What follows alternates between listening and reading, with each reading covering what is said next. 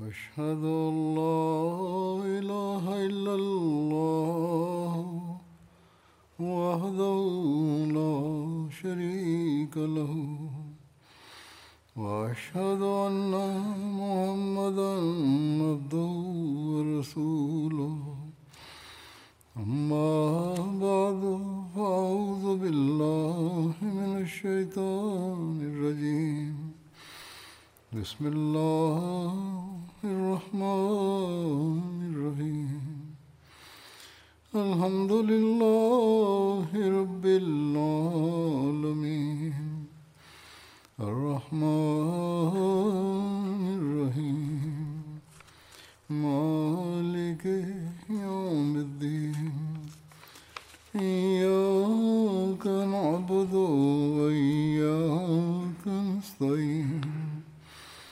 اهدنا الصراط المستقيم صراط الذين أنعمت عليهم غير المغضوب عليهم ولا الضالين biografi dan berbagai peristiwa dalam kehidupan Hadrat Abu Bakar Siddiq radhiyallahu anhu. Sebelum ini telah dijelaskan berkenaan dengan bagaimana status kedudukan Hadrat Abu Bakar dalam pandangan Rasulullah SAW dan bahkan telah dijelaskan lebih lanjut. Ini menunjukkan bahwa Nabi suci Shallallahu Alaihi Wasallam ingin mencalonkan Hadrat Abu Bakar sebagai penerus beliau. Bahkan Rasulullah memberikan indikasi bahwa Allah Ta'ala akan menunjuk Hadrat Abu Bakar sebagai khalifah sepeninggal Rasulullah. Hadrat Aisyah meriwayatkan bahwa Rasulullah Shallallahu Alaihi Wasallam dalam keadaan sakit menjelang kewafatan bersabda kepada saya, panggil Abu Bakar dan saudaramu kepadaku agar saya dapat membuat satu tulisan. Saya takut seseorang pengharap akan berharap atau seorang pengucap akan mengatakan bahwa saya lebih berhak, tetapi Allah dan orang-orang beriman akan menolak siapa pun selain Abu Bakar. Dengan kata lain, jika orang lain mengatakannya, itu akan ditolak, dan Hadrat Abu Bakarlah akan menjadi pengganti beliau. Lalu terdapat juga riwayat Hadrat Huzaifah bin Yaman. Beliau meriwayatkan bahwa Rasulullah SAW pernah bersabda, Aku tidak tahu berapa lama aku akan tinggal di antara kalian, maka ikutilah aku dan orang-orang yang sesudahku. Dan saat itu Rasulullah mengisyarahkan kepada Abu Bakar dan Umar. Hadrat Abu Hurairah mengatakan bahwa saya mendengar Nabi Shallallahu Alaihi Wasallam pernah bersabda,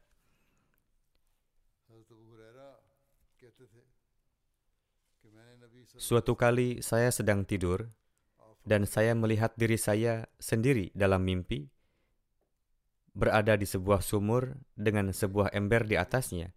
Saya menimba air dari sumur tersebut sebanyak yang Allah kehendaki. Kemudian Ibnu Abu Kahafah, yakni Abu Bakar, mengambil ember itu dan menimba satu atau dua ember air dengannya.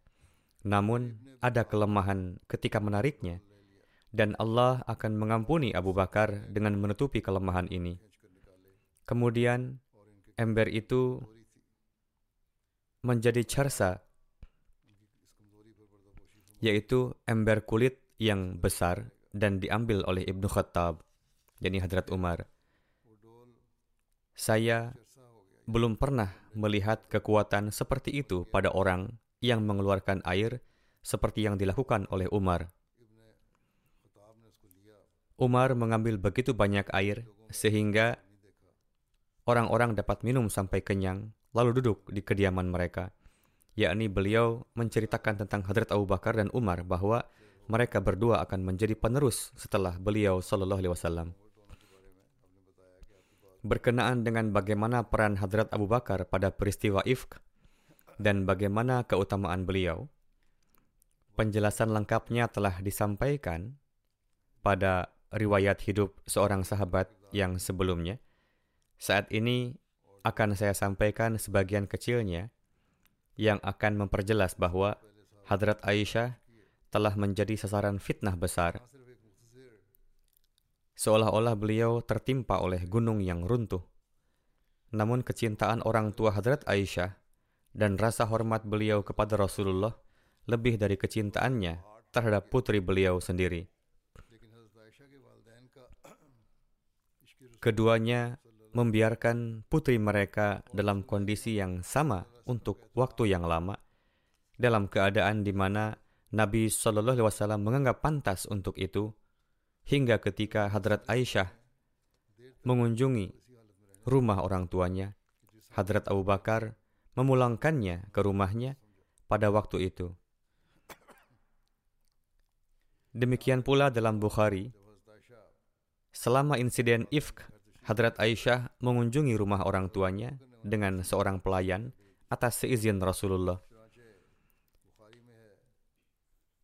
Hadrat Aisyah meriwayatkan bahwa saya memasuki rumah dan menemukan ibu saya, Ummi Ruman, tengah berada di belakang rumah dan Hadrat Abu Bakar di ruang atas rumah tengah membaca Al-Quran. Ibu berkata, Wahai putriku sayang, bagaimana kabarmu? Saya memberitahu beliau dan menceritakan kejadian itu kepada beliau. Hadrat Aisyah berkata, apa yang saya lihat adalah ibu tidak terkejut seperti yang saya alami. Saya pikir ibu akan marah setelah mendengar kejadian itu. Ibunda beliau berkata, Wahai putriku sayang, anggaplah kejadian yang menimpamu ini sebagai sesuatu yang tidak berarti. Karena demi Allah, sangat jarang terjadi seorang wanita cantik yang dicintai oleh suaminya namun tidak dicemburui oleh istri-istrinya yang lain, lalu gosip dibuat-buat mengenainya. Hadrat Aisyah mengatakan apa yang saya lihat adalah bahwa itu tidak memiliki efek yang sama pada ibu saya seperti yang saya rasakan. Hadrat Aisyah bertanya kepada ibunya, Apakah ayah juga mengetahui hal ini? Ibunda menjawab, ya. Kemudian Hadrat Aisyah berkata, apakah Rasulullah juga? Ibunda berkata, ya. Rasulullah juga mengetahui. Hadrat Aisyah berkata, mendengar itu, air mata saya mulai mengalir dan aku menangis. Hadrat Abu Bakar yang tengah membaca Al-Quran mendengar suara saya, lalu turun dan bertanya pada ibuku, "Apa yang terjadi padanya?" Ibu mengatakan, "Ia telah mengetahui perkara yang tengah diperbincangkan mengenainya." Kemudian air mata mengalir dari mata Hadrat Abu Bakar. Abu Bakar berkata, "Wahai putriku sayang, aku bersumpah kepadamu bahwa kamu harus kembali ke rumahmu."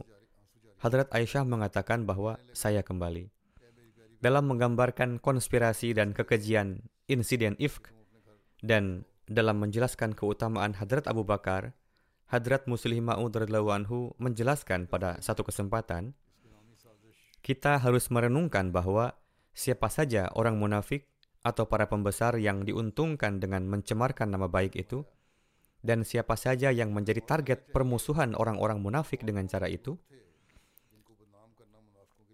Hadrat Muslim Ma'ud bersabda, dengan sedikit merenungkannya saja dapat diketahui bahwa dengan melontarkan tuduhan palsu kepada Hadrat Aisyah, dua sosok dapat menjadi target permusuhan.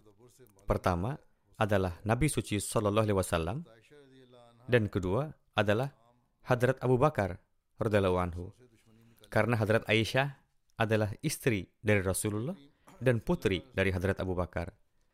Kedua wujud ini sedemikian rupa sehingga pencemaran nama baik mereka dapat menguntungkan bagi sebagian orang secara politik atau ekonomi, atau dari sisi permusuhan, atau maksud dan tujuan sebagian orang berkaitan erat dengan pencemaran nama baik mereka berdua. Karena tidak mungkin ada yang tertarik dengan tercemarnya nama baik Hadrat Aisyah sendiri. Paling-paling mungkin saja kaitannya dengan para istri Rasulullah lainnya. Bisa juga timbul anggapan bahwa mungkin saja dalam rencana jahat ini ada andil istri Rasulullah SAW yang lain dengan tujuan untuk menjatuhkan Hadrat Aisyah dan untuk meraih nama baik dalam pandangan Rasulullah. Namun sejarah menjadi saksi bahwa para istri Rasulullah yang lainnya tidak ada andil dalam rencana jahat tersebut. Bahkan Hadrat Aisyah sendiri menuturkan bahwa istri yang dianggap sebagai saingan dari antara istri Rasulullah adalah Hadrat Zainab. Selain Zainab, tidak ada istri yang lainnya yang saya anggap sebagai pesaing. Namun saya tidak akan pernah melupakan ihsan kebaikan Zainab, yang mana ia paling gencar dalam membantah tuduhan yang dilontarkan kepada saya. Jadi, jika ada yang dapat memendam permusuhan dengan Hadrat Aisyah, maka kemungkinan itu adalah para istri Rasulullah SAW yang lainnya. Dan jika mereka mau, mereka dapat memiliki andil di dalamnya untuk menjatuhkan martabat Hadrat Aisyah dan mengangkat namanya sendiri di mata Rasulullah. Namun terbukti dari sejarah bahwa mereka tidak ikut campur dalam hal ini. Jika ada yang dimintai kesaksian berkenaan dengan Hadrat Aisyah, ia memujinya Sebagaimana berkenaan dengan seorang istri Rasul lainnya dikatakan bahwa ketika Rasulullah menceritakan hal ini kepadanya, sang istri berkata, "Saya tidak melihat apa pun kecuali kebaikan dalam diri Aisyah." Alhasil, jika ada kemungkinan ada yang melampiaskan kebencian kepada Hadrat Aisyah, maka bisa saja dari para istri Rasulullah lainnya. Namun mereka tidak terbukti ada kaitan dalam hal ini. Demikian pula, tidak ada alasan bagi para pria untuk bermusuhan dengan wanita. Jadi tuduhan itu dibuat terhadap Hadrat Aisyah disebabkan oleh kedengkian terhadap Rasulullah atau terhadap Hadrat Abu Bakar. Bagaimanapun, para penuduh tidak bisa merampas makom yang dimiliki oleh Rasulullah.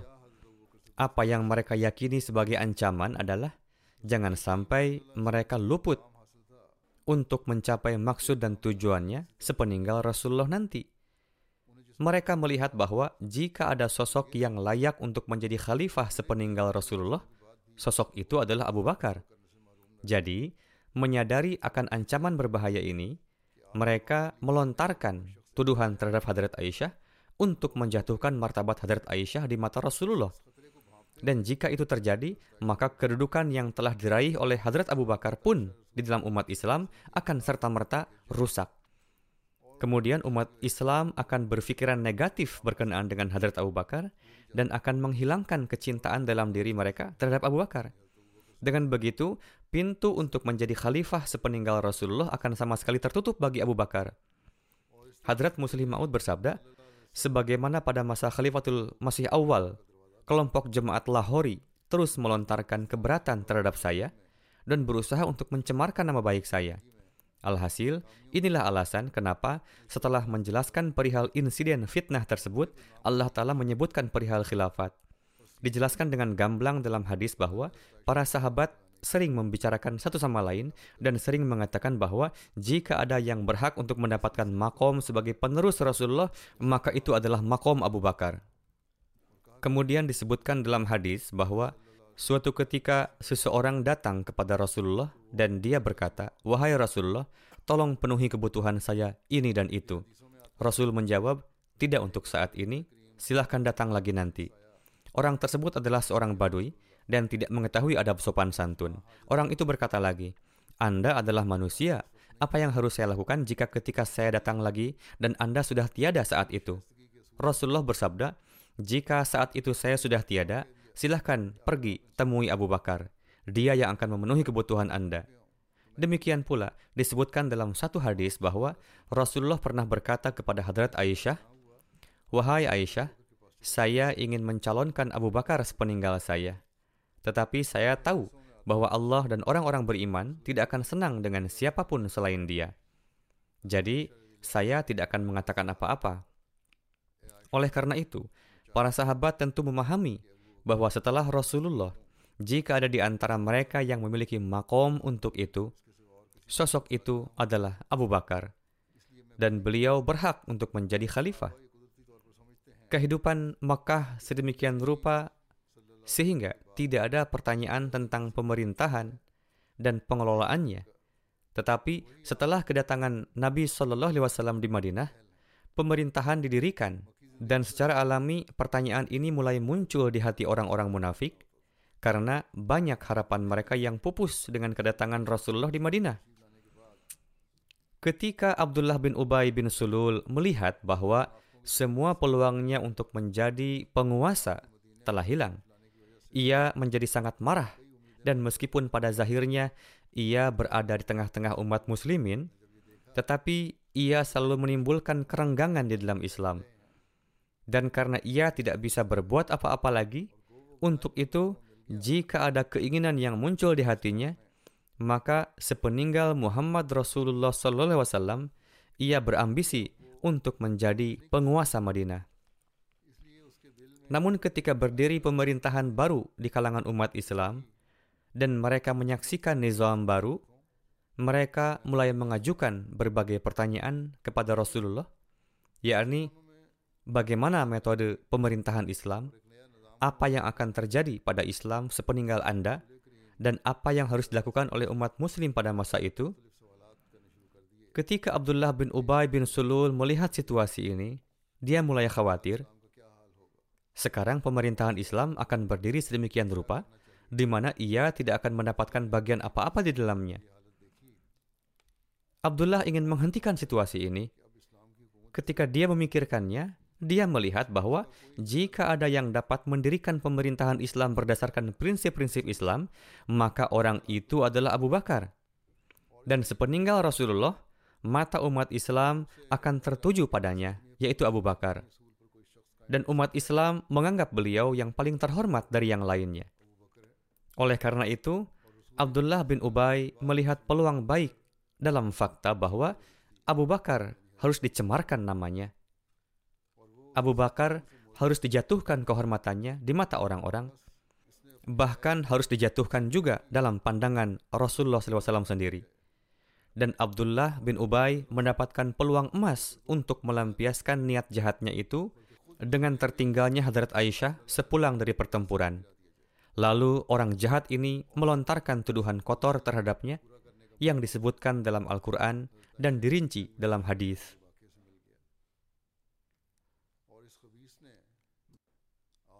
Motif Abdullah bin Ubay bin Sulul adalah agar Hadrat Abu Bakar dipermalukan di mata orang-orang dan hubungannya dengan Nabi suci Shallallahu Alaihi Wasallam juga akan rusak sehingga akan timbul hambatan dalam pembentukan nizam pembentukan yang tampaknya tak terelakkan baginya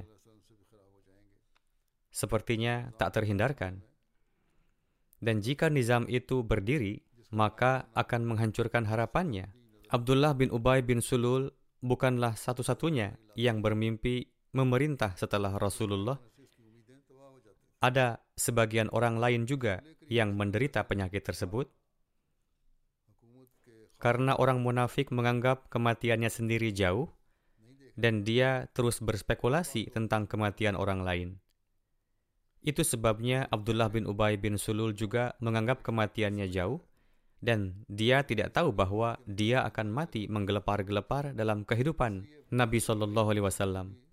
Dia biasa berspekulasi bahwa jika Rasulullah SAW wafat, akulah yang akan menjadi raja Arab. Tapi sekarang dia melihat bahwa kebaikan, kesalehan, dan kemurahan hati Abu Bakar diakui di kalangan umat Islam. Ketika Rasulullah SAW tidak datang untuk memimpin salat, maka Abu Bakar memimpin salat menggantikan beliau. Jika umat Islam tidak mendapat kesempatan untuk meminta fatwa dari Rasulullah SAW, maka mereka akan meminta fatwa kepada Abu Bakar. Melihat hal tersebut, Abdullah bin Ubay bin Sulul yang berharap mendapatkan kerajaan di masa depan sangat khawatir dan ingin mengatasinya.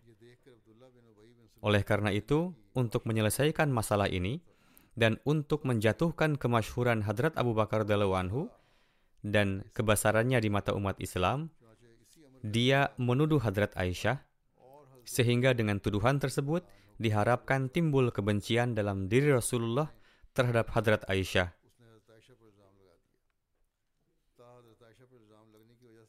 Kemudian, kebencian Rasulullah terhadap Hadrat Aisyah akan menyebabkan berkurangnya rasa hormat dalam diri Rasulullah dan umat Islam terhadap Hadrat Abu Bakar dan kemungkinan untuk menjadi khalifah sepeninggal Rasulullah akan hilang. Sebagaimana Allah Ta'ala telah menyebutkan hal ini dalam Al-Quran, Innalladzina ja'u bil ifki usbatum minkum bahwa sesungguhnya orang-orang yang melontarkan fitnahan itu adalah dari golongan kamu juga. Allah Ta'ala berfirman, La tahzabuhu syarral lakum, bal huwa khairul lakum. La tahsabuhu syarral lakum, bal huwa khairul lakum. Janganlah kalian menganggap bahwa tuduhan ini akan menimbulkan hasil yang buruk, tetapi tuduhan ini justru akan menjadi sarana perbaikan dan kemajuan kalian. Maka dari itu, Hadrat Muslim Maud bersabda, perhatikanlah, kini pada ayat ini kami pun menjelaskan tentang asas khilafat. Allah telah berfirman, Hal ini pun telah disampaikan kepada kalian bahwa lihatlah orang-orang munafik akan berupaya keras, namun mereka akan terus mengalami kegagalan. Sementara aku akan menegakkan khilafat, karena khilafat merupakan suatu bagian dari kenabian dan adalah suatu jalan untuk menjaga nur ilahi. Hadrat Muslim Maud bersabda, Kini lihatlah bahwa bagaimana dari permulaan hingga akhir surah An-Nur hanya diterangkan satu pembahasan saja. Pertama-tama disampaikan tuduhan ini terhadap Hadrat Aisyah radhiallahu anha karena maksud utama dari melontarkan keberatan kepada Hadrat Aisyah adalah untuk mencemarkan nama baik Hadrat Abu Bakar dan supaya hubungan beliau dengan Rasulullah menjadi rusak sehingga pandangan hormat kaum muslim kepada Hadrat Abu Bakar menjadi kurang dan beliau tidak akan menjadi khalifah setelah kewafatan Rasulullah. Hal ini karena Abdullah bin Ubay bin Sulul telah geram bahwa mengapa pandangan umat Islam saat itu setelah Rasulullah adalah kepada Abu Bakar. Sehingga jika kelak khilafat akan berdiri melalui Abu Bakar, maka angan-angan Abdullah bin Ubay bin Sulul menjadi raja pun tidak akan pernah terpenuhi. Maka dari itulah Allah Ta'ala setelah menyebut tentang tuduhan ini, langsung menerangkan tentang khilafat dan berfirman bahwa khilafat bukanlah suatu kerajaan. Khilafat adalah suatu sarana untuk menegakkan nur ilahi. Dan karena itulah Allah Ta'ala telah meletakkan tegaknya khilafat ini pada tangannya. Ketiadaannya akan menjadi ketiadaan nur kenabian dan nur ketuhanan. Jadi, dia pasti akan menegakkan nur itu dan dia sama sekali tidak akan membiarkan suatu kerajaan tegak setelah adanya kenabian, dan dia akan menjadikan khalifah bagi siapa yang dia kehendaki. Bahkan dia berjanji akan menjadikan tidak hanya satu orang, bahkan banyak orang dari antara kaum muslim untuk berada di atas khilafat demi memperpanjang era nur itu. Ini adalah suatu tema yang mana Hadrat Khalifatul Masih awal sering kali bersabda, khilafat bukanlah seperti air soda yang dijual di toko minuman, di mana ia dapat meneguknya kapan pun ia menghendaki. Demikian pula beliau lalu bersabda, jika ingin melontarkan tuduhan, maka lontarkanlah. Kamu tidaklah sanggup menghapus khilafat, dan kamu tidaklah dapat memahrumkan Abu Bakar dari khilafat. Karena khilafat merupakan satu nur. Ia adalah suatu sarana untuk turunnya nur Allah. Sehingga bagaimana bisa manusia menghapusnya dengan usaha-usahanya? Kemudian bersabda, demikianlah nur khilafat ini pun menyebar di banyak rumah, dan tidak ada manusia yang dengan upaya dan makarnya dapat menolak datangnya nur ini. Jadi, ini adalah satu pembahasan tentang khilafat yang beliau sampaikan dalam khutbah beliau. Di dalamnya, sebagaimana sabda Rasulullah SAW, yaitu tentang bagaimana kedudukan Hadrat Abu Bakar, dan telah terbukti juga bagaimana kesaksian nyata dari Allah Ta'ala bahwa silsilah kekhalifahan yang mana sesuai dengan nubuatan Rasulullah akan ada segera setelah kenabian, silsilah ini pun ada. Lalu, jika setelahnya lantas datang suatu kerajaan, maka ini adalah pembahasan terpisah. Lalu kemudian sesuai dengan janji Allah Ta'ala, nizam ini kemudian tegak melalui perantaraan Hadrat Masih Maud salam.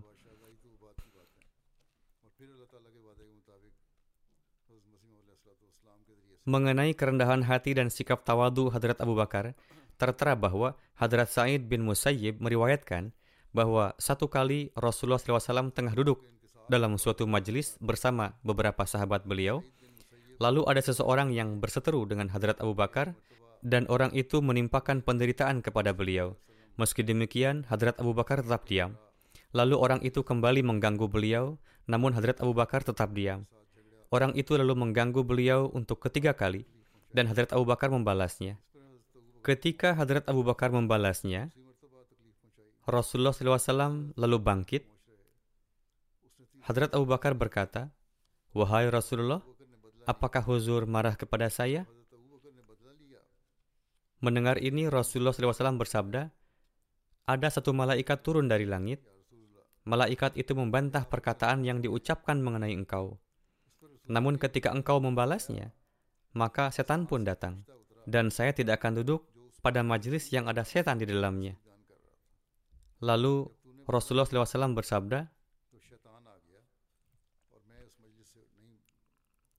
Wahai Abu Bakar, ada tiga hal yang ketiganya adalah benar – jika seorang hamba dianiaya melalui suatu hal dan ia menutupinya semata demi Allah Azza wa Jal, maka Allah akan menjadikannya mulia dengan pertolongannya.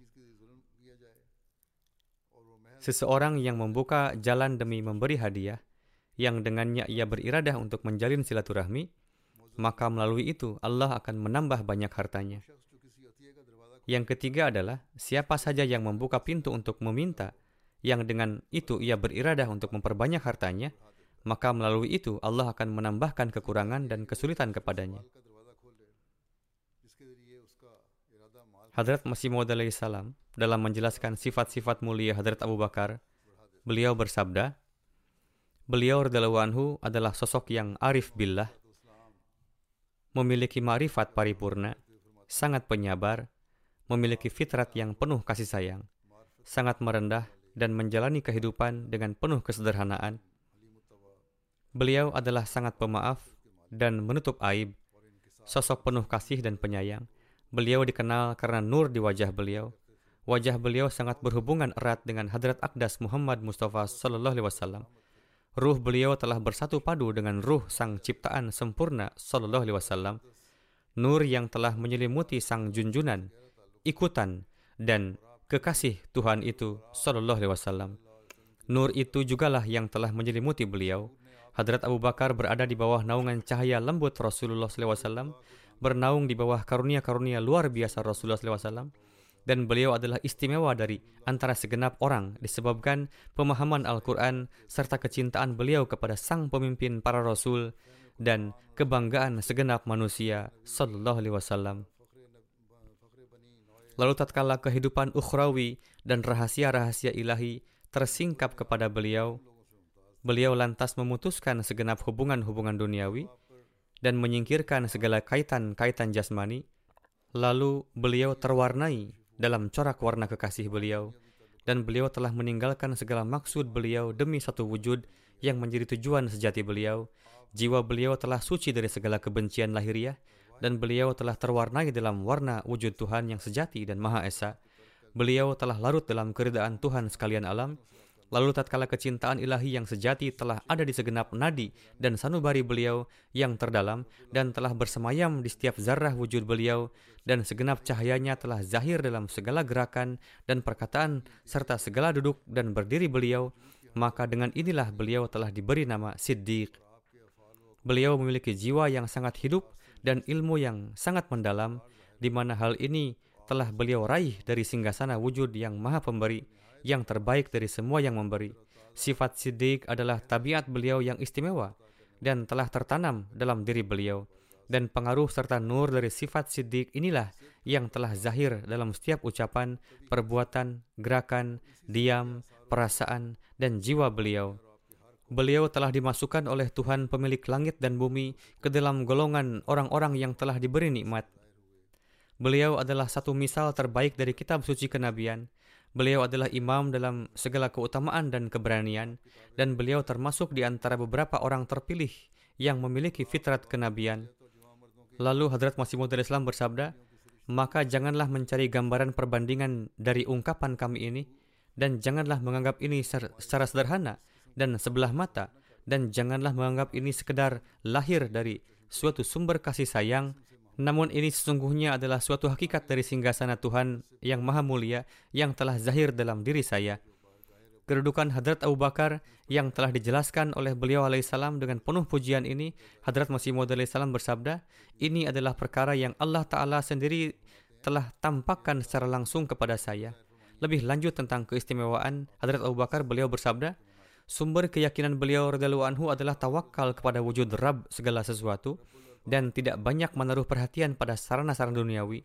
Dalam hal adab, beliau adalah bayangan dari Rasulullah dan junjunan kita sallallahu alaihi wasallam dan beliau memiliki keserupaan azali dengan sang khairul bariyah sallallahu alaihi wasallam. Inilah sebabnya beliau telah meraup karunia sebanyak-banyaknya dari huzur sallallahu alaihi wasallam di mana tidak ada orang lain dalam sepanjang zaman dan di tempat jauh manapun yang sanggup meraihnya. Tentang masuknya beliau dalam 14 sahabat beliau tertera satu riwayat dari Hadrat Ali Hadrat Ali bin Abu Talib menerangkan bahwa Rasulullah bersabda, sesungguhnya setiap nabi diberi tujuh sahabat yang mulia, atau hanya bersabda sahabat. Namun saya telah diberi empat belas. Lalu kami bertanya kepada Hadrat Ali, siapa mereka?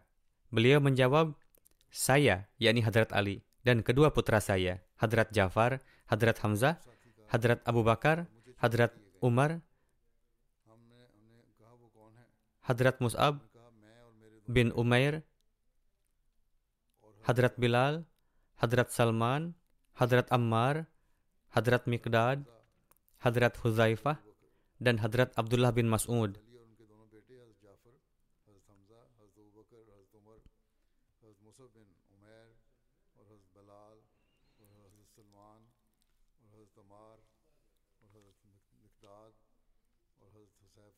Hadrat Abu Bakar Siddiq pun pernah diamanatkan oleh Rasulullah untuk menjadi amir haji. Tentang hal ini tertera bahwa pada tahun 9 Hijriah, baginda Rasulullah telah mengangkat Hadrat Abu Bakar Siddiq sebagai amir haji dan memberangkatkan beliau ke Mekah.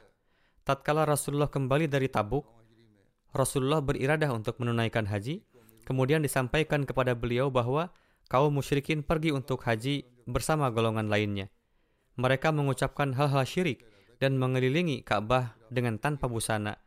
Atas hal ini Rasulullah meninggalkan keinginan untuk menunaikan haji pada tahun itu dan mengangkat Hadrat Abu Bakar Siddiq sebagai amir haji dan memberangkatkan beliau. Hadrat Abu Bakar Siddiq berangkat dari Madinah bersama 300 sahabat.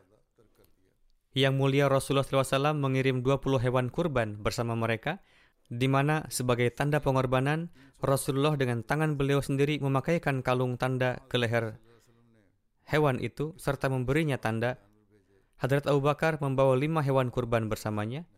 Di dalam suatu riwayat tertera bahwa Hadrat Ali mengumumkan bagian awal surah Taubah di kesempatan haji ini.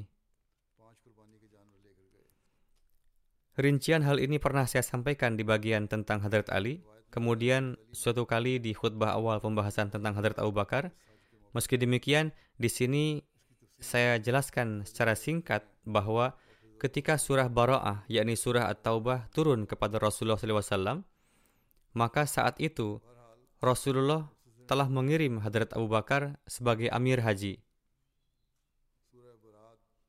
Disampaikan di hadapan Rasulullah, Wahai Rasulullah, Bagaimana jika Huzur mengirim surah ini kepada Hadrat Abu Bakar supaya di sana ia membacanya?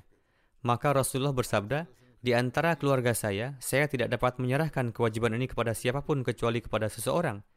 Lalu Rasulullah memanggil Hadrat Ali dan bersabda kepadanya, sampaikanlah ayat-ayat yang telah diterangkan di awal surah At-Taubah kepadanya dan di hari berkorban.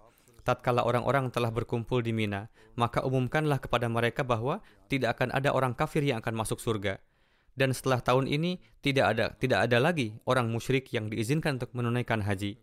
Tidak akan ada lagi yang diizinkan untuk mengitari Baitullah dengan tanpa busana. Adapun bagi siapa saja yang telah memiliki perjanjian dengan Rasulullah, maka perjanjiannya akan tetap dipenuhi. Hadrat Ali berangkat dengan membawa sabda beliau ini. Di perjalanan ia bertemu dengan Hadrat Abu Bakar. Tatkala Hadrat Abu Bakar melihat atau bertemu Hadrat Ali di perjalanan, Hadrat Abu Bakar bertanya kepada Hadrat Ali, apakah Anda diangkat sebagai amir atau akan berada di bawah saya? Hadrat Ali menjawab, ada di bawah Anda. Lalu keduanya bergerak bersama. Hadrat Ali berkata, saya di bawah Anda. Namun saya akan membacakan ayat-ayat ini kepada Anda. Alhasil, Hadrat Abu Bakar menjadi pengawas semua orang dalam perkara haji. Dan pada tahun itu, orang-orang Arab bermukim di tempat-tempat di mana di zaman jahiliyah pun mereka biasa bermukim di sana. Tatkala tiba hari berkorban, Hadrat Ali lalu berdiri dan sesuai dengan perintah baginda Rasulullah, beliau mengumumkan hal tersebut, yakni petunjuk yang telah disampaikan Rasulullah itu ke hadapan semua orang. Sebagaimana telah saya sampaikan, rincian hal ini telah saya jelaskan sebelumnya. Hal ini yakni tentang Hadrat Abu Bakar insya Allah akan dilanjutkan kemudian.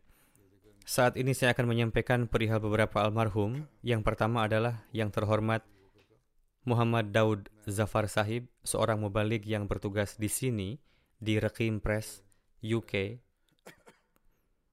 Beliau putra dari Chaudhry Muhammad Yusuf Sahib, wafat pada 16 November 2022 di usia 48 tahun.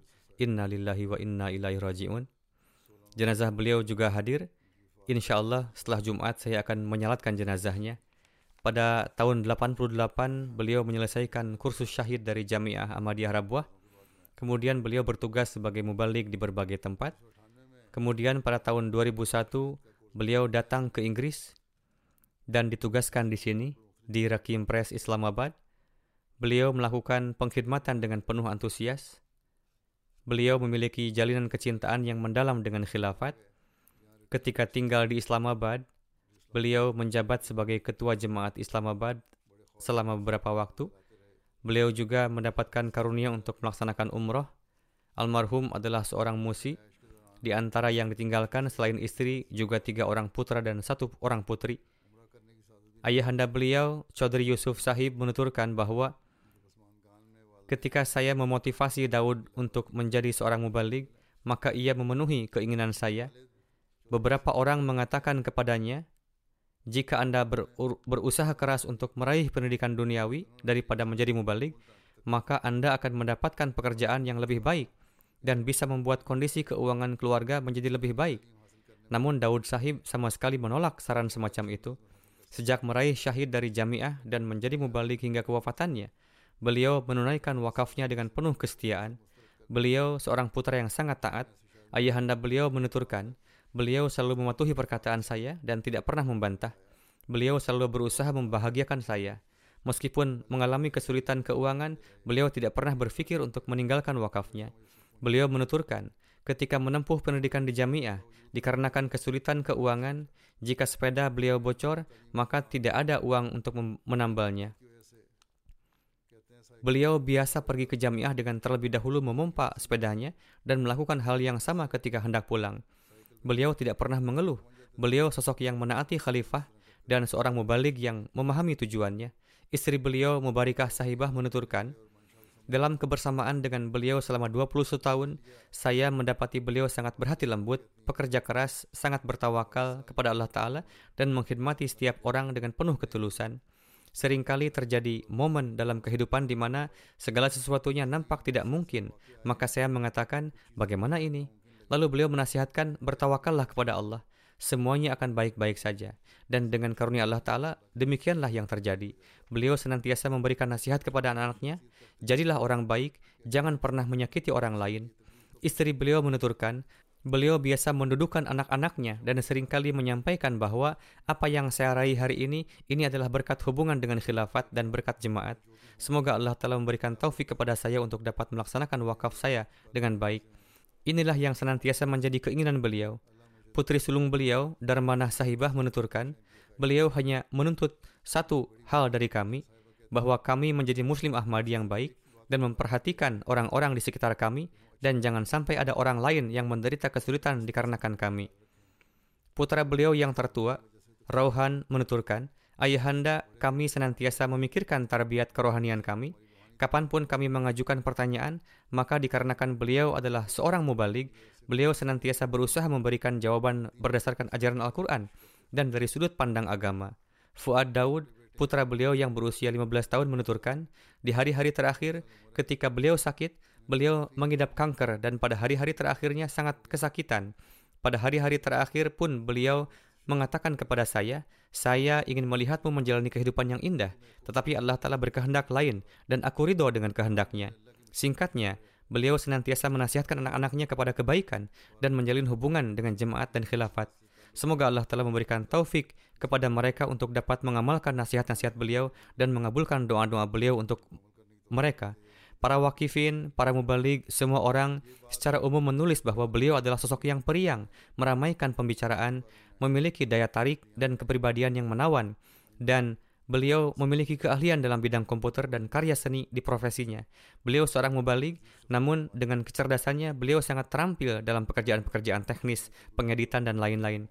Beliau melakukan pekerjaan dengan baik di Rakim Press. Beliau mendapatkan kesempatan yang baik untuk menggunakan keahliannya. Beliau senantiasa meng menganggap pengkhidmatan kepada jemaat sebagai karunia Allah Ta'ala dan kehormatan bagi dirinya. Kemudian seorang kerabat juga menulis bahwa beliau biasa membantu pekerjaan orang lain secara diam-diam, Beliau secara diam-diam biasa memberikan bantuan finansial kepada orang-orang yang membutuhkan dan kaum kerabat. Semoga Allah telah menganugerahkan maghfirah dan rahmatnya kepada beliau, memberikan kesabaran dan ketabahan kepada anak-anak beliau, memberikan taufik kepada mereka untuk dapat meneruskan kebaikan-kebaikan beliau, dan juga menganugerahkan kesabaran dan ketabahan kepada kedua orang tua beliau. Selanjutnya ada dua jenazah gaib, di antaranya yang pertama adalah Ruqayyah Syamim Bushra Sahibah, yang merupakan istri dari almarhum Sabik Mubalik Spanyol yang terhormat Karam Ilahi Zafar Sahib. Beliau juga wafat beberapa hari yang lalu. Inna lillahi wa inna ilahi raji'un. Beliau lahir di Kadian pada tahun 32. Dengan karunia Allah Ta'ala, beliau seorang musia. Beliau mendapatkan taufik berkhidmat sebagai sadar lajnah Spanyol hingga beberapa tahun. Beliau memiliki tiga putra dan tiga putri seorang cucu beliau adalah wak wakaf now sekaligus wakaf zinagi, yakni Ataul Mun'im Tariq yang merupakan in charge Central Spain Desk. Seorang cucu perempuan juga menikah dengan seorang mubalik. Kedua putra beliau juga adalah para pengkhidmat agama dengan karunia Allah Ta'ala. Putra tertua beliau juga merupakan Naib Amir. Kakek Rukayah Sahibah adalah Maulwi Fakhruddin Sahib dan nenek beliau adalah Bibi Sahibah yang berasal dari Bhera. Di zaman Hadrat Masih Maud salam, setelah bayat, mereka pindah ke Kadian. Kakek beliau dari pihak ibu adalah Abdurrahman Sahib yang berasal dari Ajmer. Awalnya beliau beragama Sikh, kemudian mendapatkan kehormatan bayat di tangan Hadrat Masih Maud salam. Setelah bayat, beliau juga datang ke Kadian untuk belajar. Oleh karena itu, beliau berasal dari kalangan sahabat baik dari pihak ibu maupun ayah. Berkenaan dengan Rukayyah Begum Sahibah, putra beliau menulis, beliau memiliki keterikatan khusus dengan buku Dakwatul Amir. Beliau membacanya berkali-kali dan sering mengatakan bahwa setelah membaca buku ini banyak sekali keraguan di benak saya terjawab. Sejak usia 12 tahun, beliau memiliki kecintaan yang besar dalam hatinya terhadap salat. Beliau memohon kepada Allah Ta'ala supaya dia membimbing beliau di dalam keimanan dan siratul mustaqim. Beliau sangat memperhatikan pardah Beliau merupakan contoh bagi para wanita lainnya di jemaat ini. Beliau memiliki rasa simpati terhadap orang-orang yang sakit dan membutuhkan. Beliau selalu siap untuk membantu mereka dengan segala cara yang memungkinkan. Di masa-masa awal, ketika beliau datang ke Spanyol, beliau bersama dengan Maulana Sahib harus menghadapi banyak kesulitan. Beliau kerap menahan Maulana Sahib karena pertabligan yang beliau lakukan atau melakukan penggerebekan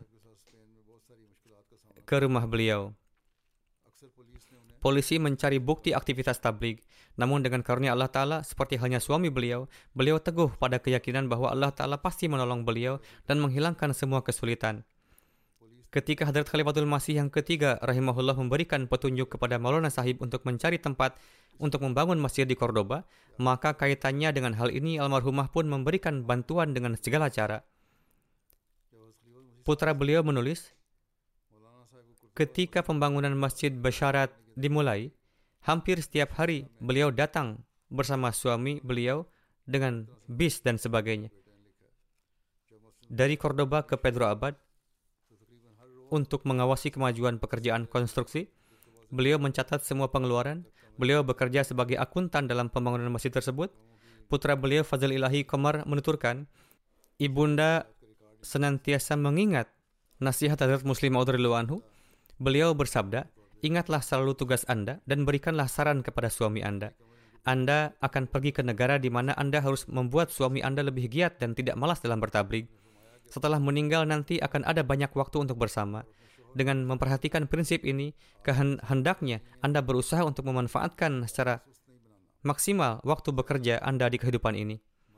Dan beliau selalu mengamalkan nasihat-nasihat tersebut, apa pun kondisinya, beliau selalu berkhidmat dengan kesabaran dan keberanian dengan tetap mengedepankan keridaan Allah Ta'ala. Di masa-masa awal sangat sulit, namun beliau menjalaninya dengan penuh semangat dan senantiasa mengutamakan agama di atas dunia. Dengan mengikuti nasihat Hazrat Muslim Ma'ud, beliau menegakkan suatu teladan Islam di sebuah negara di mana pada suatu waktu bahkan menyebut nama Islam dianggap sebagai kejahatan. Beliau memainkan peranan penting dalam penyebaran tabligh Ahmadiyah di Spanyol.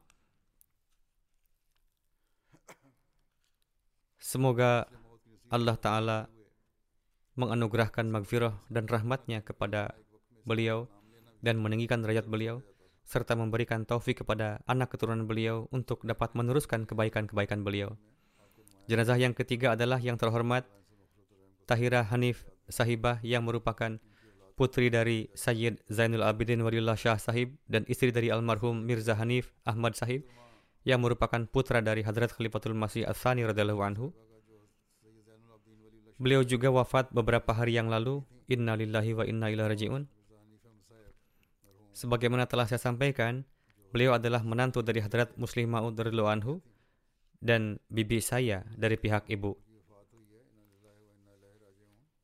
Beliau lahir di Kadian pada tahun 36.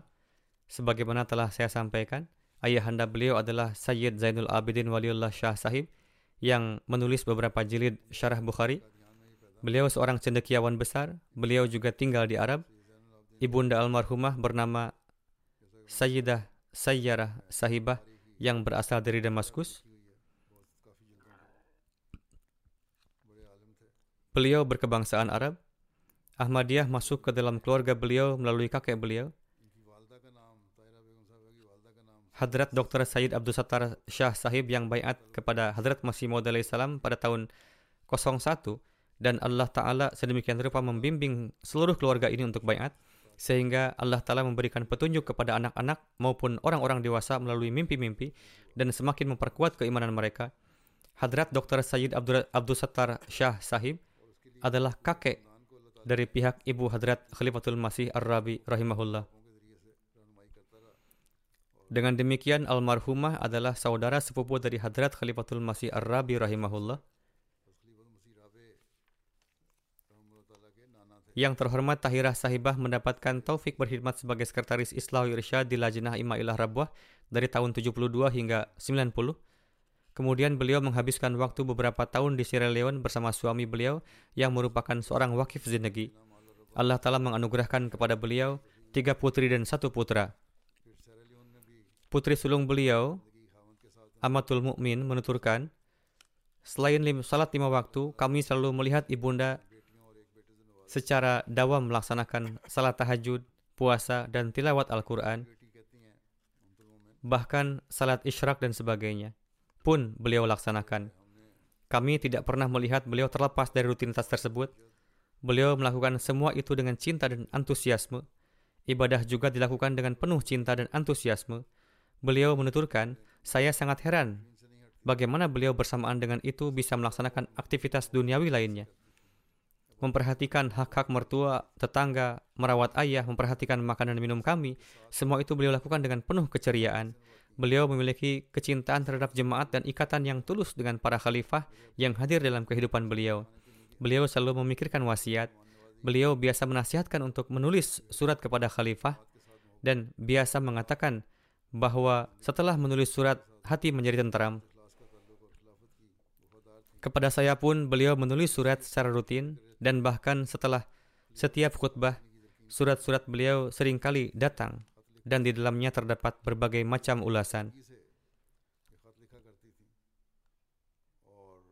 Beberapa hal yang beliau sukai di antaranya secara khusus beliau sebutkan beliau tidak pernah membicarakan hal-hal yang bersifat keberatan. Bahkan ketika ada suatu hal yang mengenainya kami sepakat, maka beliau mengatakan bahwa tidak perlu terjebak dalam hal-hal yang bersifat keberatan. Selalunya saya melihat kerugian dalam perkara-perkara tersebut, saya tidak pernah melihat faedahnya. Sebagaimana telah saya katakan, beliau memiliki jalinan yang luar biasa dengan khilafat. Beliau sangat peduli kepada orang-orang miskin. Seseorang bernama Akhtar Sahib menulis kepada saya, Ayahanda kami meninggalkan kami dan ibunda kami, maka beliau memberikan tempat kepada kami di rumah beliau dan memperhatikan kami layaknya anak-anak sendiri. Beliau memperhatikan makan minum kami dan pakaian kami dan tidak pernah membiarkan kami merasakan perbedaan. Semoga Allah Ta'ala senantiasa menganugerahkan magfirah dan rahmatnya kepada beliau. Semoga Allah Ta'ala menempatkan beliau bersama orang-orang suci dan memberikan taufik kepada anak keturunan beliau untuk dapat meneruskan kebaikan-kebaikan beliau.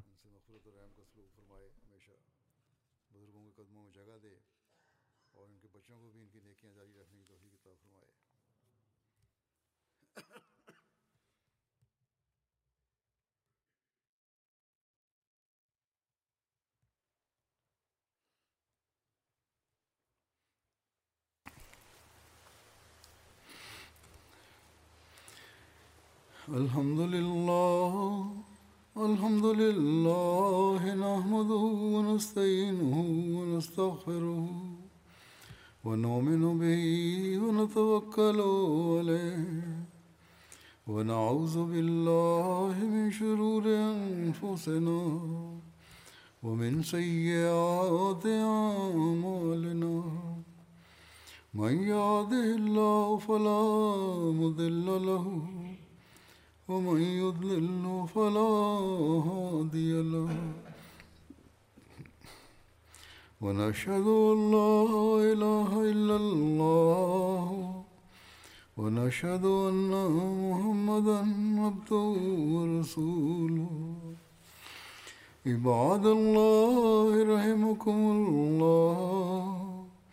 إن الله يأمر بالعدل واللسان وإيتاء ذي القربى وينهى عن الفحشاء والمنكر والبغي يعظكم لعلكم تذكرون.